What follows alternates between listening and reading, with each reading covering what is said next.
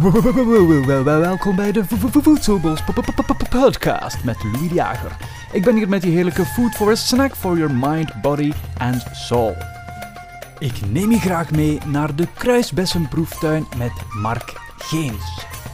De Ribes alpinum Marks lievelingsbes. Kijk, hier staat er eentje die ik vind dat echt in bostuinen thuis hoort. Ja. Dus dat is de Ribes alpinum. Nadeel van dat ras is dat is vrouwelijk, mannelijk. Staat mannetje ook. Mannetje zie je op het moment alleen maar blad staan. Uh, Ribes alpinum wordt vaak, vooral de mannelijke vorm, wordt vaak als sierplant gezet. Ah, ja. Maar als je er een vrouwtje bij zet, dan krijg je dit.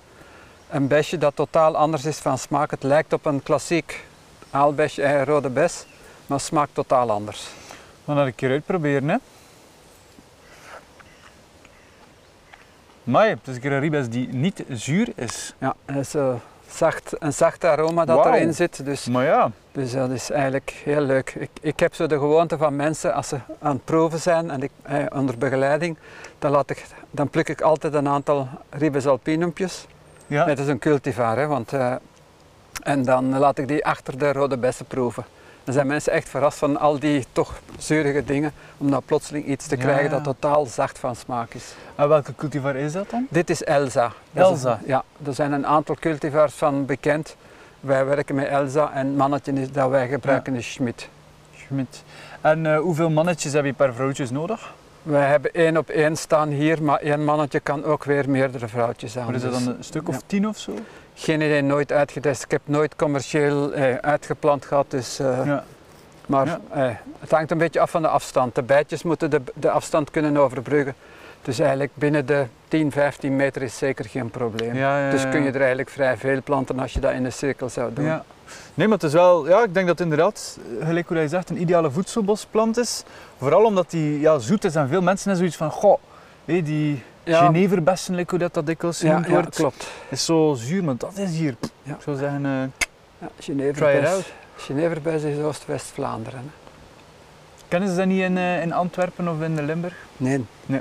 Allemaal andere volksnamen afhankelijk waar je bent. Dus, Ja. eh, Ja, het heeft veel namen, niet? Aalbes, Geneverbes. ja, maar Geneverbes, eigenlijk de Geneverbes, de echte Geneverbes, is een conifeer. Ja, inderdaad, klopt Dus. Juniperus. Ja, communus. Ja, ja, voor mij was dat verrassend, want ik ben een campingjongen. Om, als ik hier kwam, om in één keer mensen te horen vragen achter Genevers. Ja. Van, hè, wat zijn dat? Ah, dus ik, ja. omdat ik aan de conifeer dacht, zei, dat kan niet dat ze dat vragen, bleek dus dit te zijn. Ja. Zo moet je je inburgeren. Hè. Ja. Zoals in bepaalde streken de cassis, de zwarte bes, paters noemt. Dus, ja. ja, inderdaad. Dat is dan iets dat ik niet echt... ehm, Maar ik kende dat Kende. ook niet, dus... eh, Ja. eh, ik- Ja. En als Oké. je in Limburg bent, krijg je weer andere namen. Dus. Merci. Alsjeblieft. Bedankt om de wereld mooier te maken met meer voedselbossen.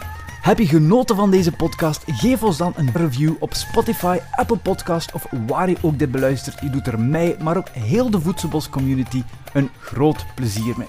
Wil je nog meer leren over voedselbossen? Volg dan onze topopleiding op www.foodforestinstitute.com. Ciao kus!